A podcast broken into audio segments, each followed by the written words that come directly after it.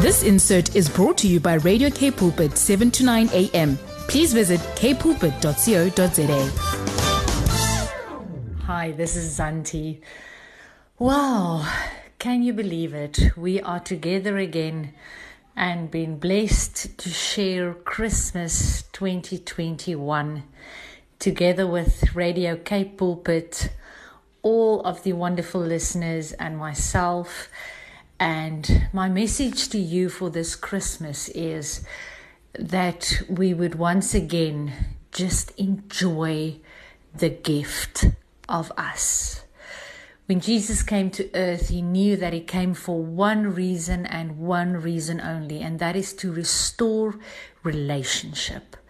To restore relationship with him, with God our Father, giving us the Holy Spirit to have relationship with on earth and relationship with each other.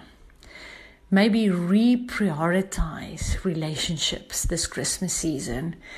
And through the last two years that have been really, really tough on all of us, all aspects of our lives, I think the thing that we had the greatest loss in was in relationships.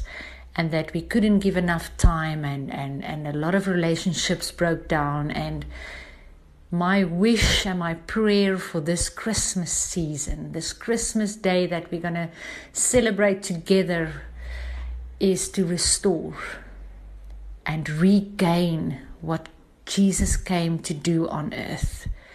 Regain a strong relationship with the one who made you, the one who loves you, the one who cares and nurtures for you and protects you, and for everyone next to you.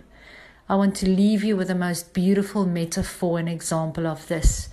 In the Americas, you will find the redwood trees, and they have loads of plantations of them. It is one of the most beautiful trees, and they grow extremely high.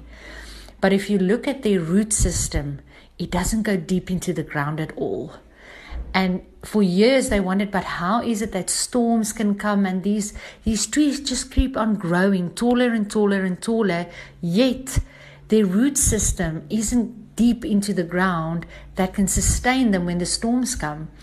But their root system grows towards each other. It grows horizontally. And they interweave into each other's root systems, and that keeps them strong. And my wish for you for Christmas is that we would keep each other strong, that we would keep each other rooted, and that God will sustain us because we are ultimately rooted and weaved into Him. Have a wonderful and blessed Christmas. This insert was brought to you by Radio K Pulpit, 7 to 9 a.m. Please visit kpulpit.co.za.